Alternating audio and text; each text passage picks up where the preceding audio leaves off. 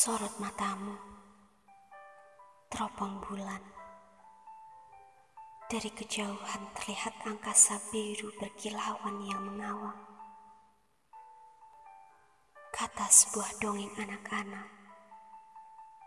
Dulu ada seekor siput yang kedinginan saat malam. Ia bersembunyi di balik rumahnya,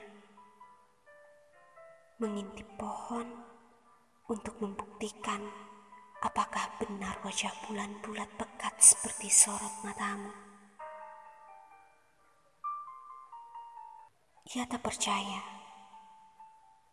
Lalu dengan rasa penasarannya, ia keluar dari rumah kecil itu dan meninggalkan batang pohon untuk membayangkan bagaimana hangatnya jika berada di awang-awang.